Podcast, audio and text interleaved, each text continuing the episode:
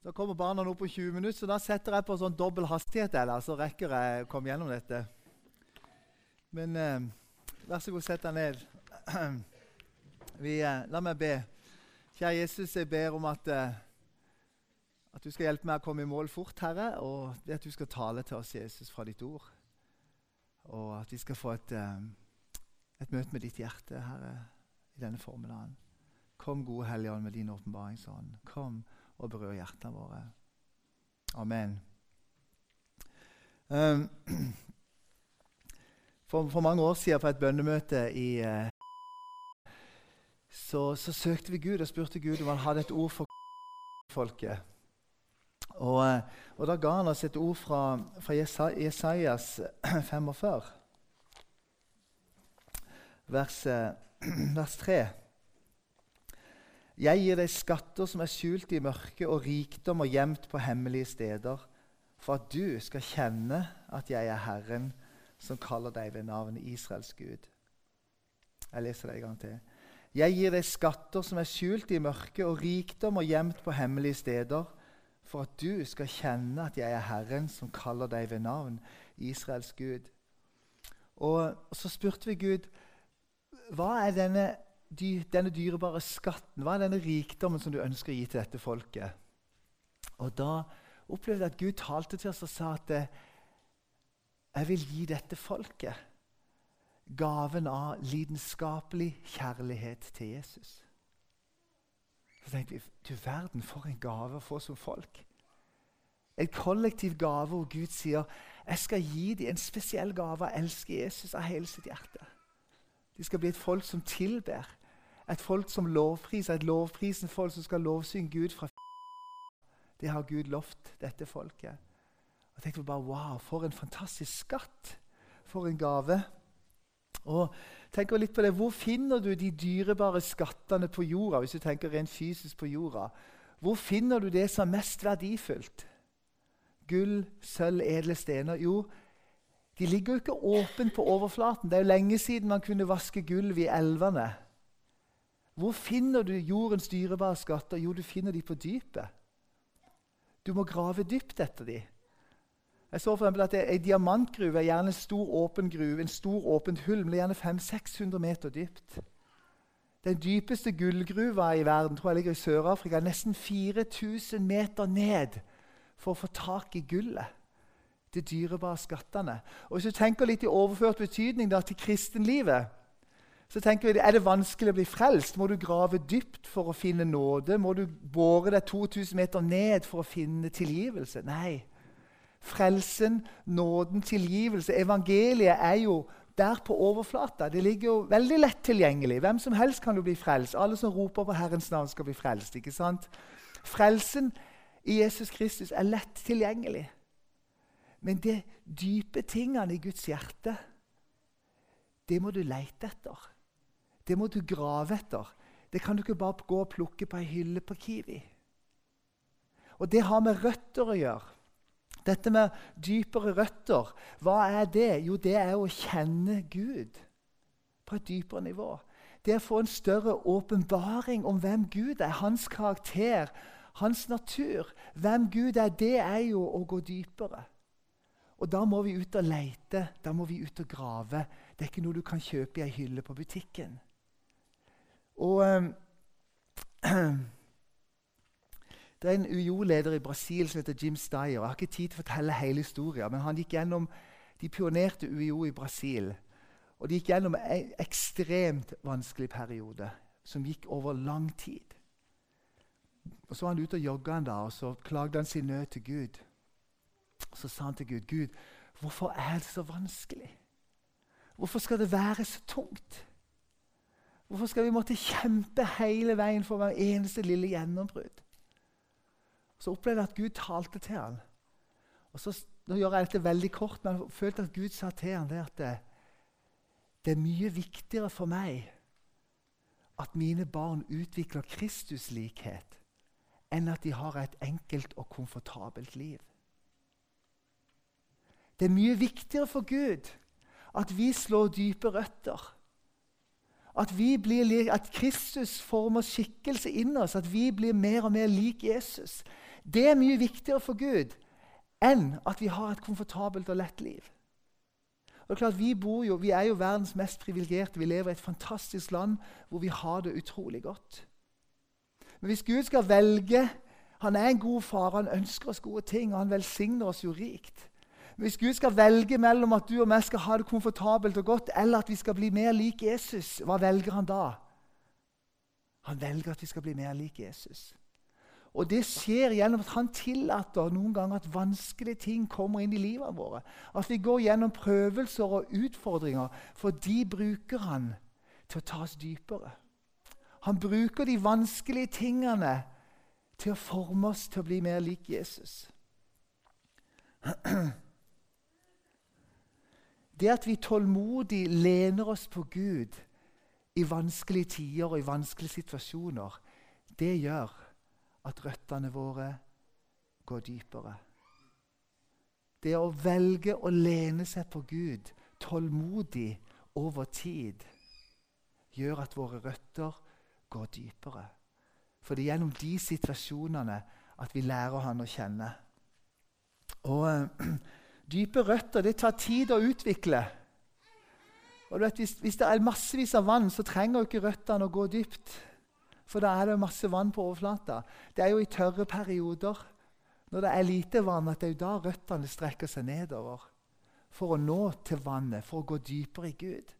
For å få det livet som Han gir. Og øh, Det å snakke om dype røtter det er på en måte en annen måte. I UiO har vi et, eh, et, et, eh, motto. Det å kjenne Gud og gjøre Han kjent. Å få dype røtter i Gud det er det samme som å si jeg ønsker å kjenne Gud bedre. Og Guds natur og Guds karakter det er som en fantastisk diamant som har mange forskjellige fasetter.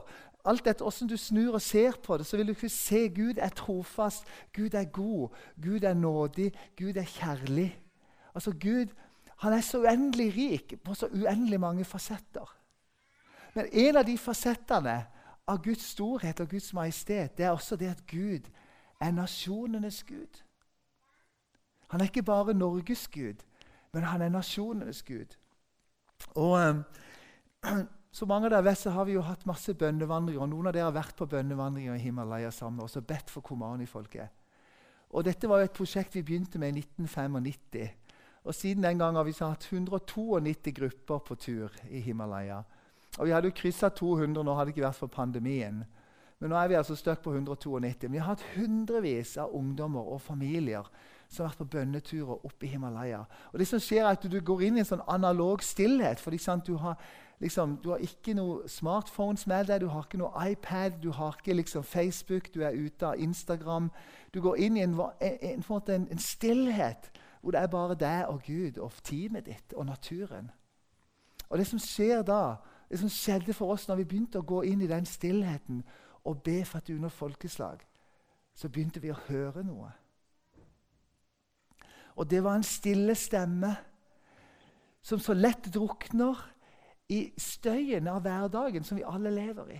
Vi måtte avsides for å komme inn i en analog stillhet hvor det faktisk var mulig å høre den stille stemmen.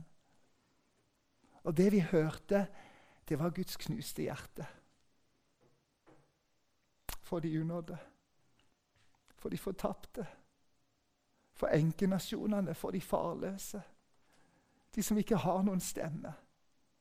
Og så ble vi, vi på en måte, ble vi connecta inn mot en del av Guds karakter, hans knuste hjerte. Og det, Den berøringa der med Guds knuste hjerte for de fortapte og de unådde, det forandra livene våre.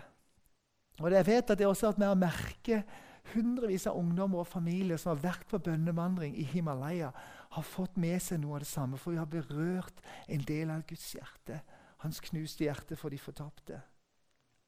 Og det som er at Bibelen er veldig tydelig på det at Gud, Gud har ikke favoritter. Ja vel, sier du. Nei, Gud har ikke favoritter. Han har kun favoritter. Ja vel? Jeg har tre har tre fantastiske barn. Niklas på 23, Sander på 21 og Steffi, minstejenta på 19. Og jeg elsker de som far, så elsker jeg de tre, alle tre like høyt. Men jeg må jo bare innrømme det at jeg har jo et sånn lite softspot da, for minstejenta, for Steffi, jenta mi. Men jeg må si det at jeg har, som far så har jeg i alle år Hun har aldri fått noe som ikke de andre har fått. Jeg har aldri forskjellsbehandla dem. Jeg har alltid gjort en skikkelig innsats på at eh, de har fått, fått samme oppdragelse og samme grenser og samme begrensninger, men også samme privilegier. Men jeg har likevel et softspot for den lille jenta mi, selv om jeg har ingen favoritter. Jeg har kun tre favoritter, mine tre barn. Men det var sånn at når jeg var liten, og når jeg var sånn rundt ett, to, tre år gammel, så var det sånn Det var nok at hun så på meg, og så smelta hjertet mitt. Og Det var bare sånn helt ubeskrivelig. bare sånn, husk, Så bare smelta hjertet mitt. Men selv om jeg har et soft spot for den lille jenta mi, så har jeg kun favoritter, alle mine tre barn. Og Sånn er det med Gud også. Vi vet at Gud har et soft spot for Israel, hans eget folk. Men samtidig så har Gud bare favoritter. Det som er Problemet, er at ofte så speiler våre liv det motsatte. Vi kan si det, Jesus, altså, Jesus elsker alle barna. Gul og hvit og rød, alle har han sagt. ikke sant? Altså, det sier vi. Men problemet er at våre handlinger avslører oss. At vi egentlig ikke tror det. Egentlig Dypt sett så tror vi egentlig at Gud faktisk har favoritter. Og Det gjenspeiler oss hvis vi begynner å sjekke litt vårt eget liv og våre egne handlinger og egne tanker. Og I 1991 i januar 1991, det er lenge siden. Det er altså 20 år siden, 30 år siden. Er det noen som husker hva som skjedde i januar 1991? Det var to ting på en måte som var spesielt i januar 1991. Det ene var at kong Olav døde, og kong Harald ble konge. Det andre var begynnelsen på den første Gulfkrigen. Ikke sant? Saddam Hussein hadde invadert, invadert i uh, Kuwait, og så svarte da de allierte med krigen i, i, i Gulfen. Og den gang, I januar 1991 så var vi på DTS Outreach i, i Hellas. Vi skulle egentlig ha vært i Israel, på outreach, men pga. spenninga i Midtøsten så havna vi i, is i Hellas. Og da, da, da, var vi i Hellas, i Aten, når da krigen brøt ut. Og det som da skjedde var jo at De allierte inngikk inn i Kuwait og inn i Irak. Og Saddam Hussein svarte med altså at det hagla raketter over Israel. ikke sant? Over Tel Aviv og Haifa, hvis jeg husker det. Og det som da skjedde, Den gangen hadde vi bare én kanal, stort sett, og det var jo NRK. Og så det da, i, de, I sin visdom så viste de et kart da over hele Midtøsten, og sånn, og så viste de rekkevidden til disse Scud-rakettene som Saddam Hussein hadde. Og Så tegnte de en stor sirkel. da, da viser at liksom, Den sirkelen gikk jo innover Tyrkia og hele Bulgaria, eh, Hellas, ikke sant, sørlige deler av, av Italia, og så da eh, Israel og, og eh, Libanon osv. Og vet du hva skjedde jo da med disse foreldrene som satt hjemme i Norge og så på en kanal, NRK? Da tenkte, fikk jo de panikk, for da så de jo plutselig at Scud-rakettene kunne jo nå til Aten, der vi var. Men hvorfor i alle skulle Saddam Hussein sende raketter til Aten? Han hadde jo ikke noe problem med Hellas. Men det, frykt er jo ikke rasjonelt. Og Da begynte jo telefonlinjene å gløde til Hellas. ikke sant? Og Som gode DTS-studenter og DTS-stav så var vi jo på våre knær og begynte å be. Og da ba vi vet du, for, om beskyttelse for familien hjemme og for oss som var liksom innenfor denne sirkelen. da, ikke sant? Og Vi ba om beskyttelse for Hellas og for oss. ikke sant? Og Vi var ute på Egratan og evangeliserte, men vi ropte til Gud og ba om beskyttelse. Og så ba vi jo for israelsfolket, ikke sant? Guds eget folk. Og, så ba vi for de allierte soldatene som invaderte Irak, at Gud skulle beskytte dem. Gode kristne, ikke sant? ungdommer på tur og be til Gud. da. Og så spørsmålet hvor mange ganger ba vi for 18 millioner irakere som hadde levd i årtier under den despoten Saddam Hussein, og som nå ble bomba i stykker av de allierte? Hvor mange ganger ba vi for dem? Og Den dag i dag så er jeg jo flau over å si at vi ba ikke en eneste gang. Vi ba aldri for irakerne. Vi ba bare Gud har ingen favoritter, men våre liv avslørte oss. For vi var bare opptatt av å be for oss sjøl og Guds eget folk, Israel. og så vi kristne, ikke sant? De kristne soldatene. Så vi kan kanskje tenke at ja, nei, Gud har ikke favoritter. Det er jeg enig i. Men hvis vi sjekker hjertet, så vil vi finne at det blir så lett at vi tenker oss og de. Vi er Guds favoritter, og så er det alle de andre. Men Gud er nasjonenes Gud. Han har bare favoritter. Han lengter etter at de unådde, de folkeslag og nasjoner, to milliarder muslimer, 900 millioner hinduer De er egentlig våre sønner, brødre og søstre som ikke har funnet veien hjem. Vi har jo party i farshuset. Vi er jo kommet hjem, vi. Vi har det jo helt fantastisk. ikke sant? Vi fått tatt imot nåde og tilgivelse og Guds velsignelse. Men så har vi altså milliarder av brødre og søstre i samme familie som ikke har funnet veien hjem. Og så glemmer vi at de er også en del av familien.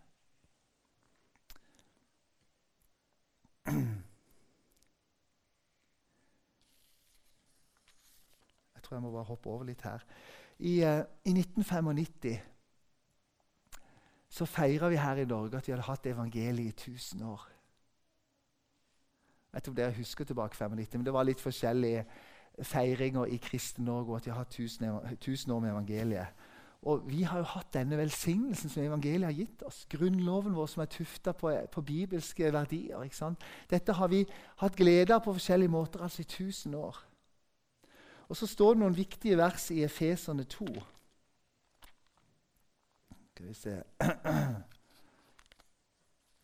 I Efeserne 2, vers 11-13, så står det Dere nordmenn, som en gang var hedninger, vikinger, av fødsel, ble kalt uomskårne av dem som kalles de omskårne, de som er omskåret på kroppen av menneskehånd. Husk at dere en gang, for tusen år siden, var uten Kristus. Dere var utestengt fra borgerretten i Israel, uten del i pakten og i løftet, ja, uten håp og uten Gud i denne verden. Men nå i Kristus Jesus er dere nordmenn som en gang var langt borte, kommet nær på grunn av Kristi blod. I den engelske oversettelsen står det 'remember' to ganger i disse versene. I norske så står det bare 'husk' én gang. Remember where you came from. Husk, nordmenn, hvor dere kom fra. Husk at en gang så var dere uten håp og uten Gud i denne verden. Sto utenfor paktsløftene, utenfor håpet, hadde ikke del i noe som helst. Uten håp og uten Gud i denne verden. Men så, i Kristus Jesus, er vi kommet nær. Og hvorfor fikk vi evangeliet for 1000 år siden? Jo, fordi Gud på en eller annen måte sendte noen. Enten det var med makt eller det var frivillig. det er vi ikke helt sikre på, Men de kom i hvert fall. Det kom noen misjonærer på en eller annen måte til disse barbarene oppe i nord. Vikingene som plyndra og drepte for fote. For å gi oss håpet. For å gi oss evangeliet. Og så tenker Jeg jeg lurer på om de misjonærene hadde superlyst til å dra til Norge. Jeg tror nok for mange av de satt det langt inne. Det satt så langt inne kanskje at de måtte tas med røv, med rov, holdt på å si, bli brakt med kraft, med makt tilbake til Norge. Men vi som nasjon fikk del i velsignelsen fordi at noen gikk. Hva skjer når Paulus sier 'husk hvor dere nordmenn kom fra'? Husk historien deres. Hva skjer når vi glemmer hvor vi kom fra? Da glemmer vi også å gi det videre. For da har vi tatt det for gitt. Da blir vi sittende og kose oss med Guds velsignelse over nasjonen. Og så glemmer vi at vi en gang var uten håp, uten Gud i denne verden. Og Så glemmer vi det videre. Og vet du hva? Hva med de nå som har venta i 2000 år og fortsatt ikke har fått del i velsignelsen? Som fortsatt ikke har hørt de gode nyhetene? Hva med 7000 unådde folkeslag? Mer enn 3 milliarder mennesker som ikke har hørt evangeliet om Jesus? Fortjener ikke de også å få en sjanse? Jo, de gjør det. For Gud er nasjonenes Gud. Og uh, Det som skjer, er at jeg tror misjon blir ikke skikkelig relevant før du har fått en berøring med Guds knuste hjerte. For da skjer det noe på innsida. Da skjer det noe med motivasjonen. Og så kobler du deg på at det som er Guds Guds misjon, altså Det som er Guds motivasjon, blir din motivasjon. Det han er opptatt av, blir du opptatt av. Og Så får du på en måte en helt nytt syn på ting. Hans lengsel blir vår lengsel. Og det som er at går inn for landing her at alle kristne er kalt til misjon. Nei, det er jeg ikke, sier du. Jo, det er du. Alle kristne er kalt til misjon. Og vet er at det, det fins ikke noe A- og B-lag i Guds rike. Finnes, jeg vet at På Bryne fins et A- og B-lag ikke sant? for de som er opptatt av fotball. Men i Guds rike så fins det ikke noe A- og B-lag. Det er ikke sånn at misjonærene er på A-laget, og så er det resten som er nede på B-laget. Det er ikke sånn. Det fins kun ett lag. Det fins kun A-laget. Vi har litt forskjellige roller i det A-laget, men alle er på det samme laget. Alle har en rolle å spille. Alle er kalt og invitert til å være med på det laget. Det eneste er Problemet er at noen velger å sette seg på innbyggerbenken og velger å ikke koble seg på. Det er ikke noe mer saliggjørende å være misjonær i India i 30 år. Så jeg pleier å si det, nå, Alle må vi jo være et sted. Min far min han er jo 88 år, han har vært i Norge i 88 år. Du verden, det er jo, det er jo stort. Alle må vi være et sted, men alle er vi kalt til å være involvert. Alle er vi kalt til å være på A-laget. Alle er vi kalt til å være engasjert i misjon. Og Det vil se forskjellig ut. Noen drar ut, andre gjør andre ting. Men alle er vi kalt til å være med. For Gud er nasjonenes Gud. Han lengter etter at alle våre brødre og søstre skal få høre evangeliet. Men sånn er det, vet du, at eh, skal vi fullføre misjonsbefalingen, skal jeg slutte med det, så er det sånn at det koster en pris. Det er en pris å betale. Det å, å se alle de unådde bli nådd Vi har betalt en pris, men vi vil, hvis vi skal summere det opp, så vil vi si det er et privilegium. Men det har vært en pris.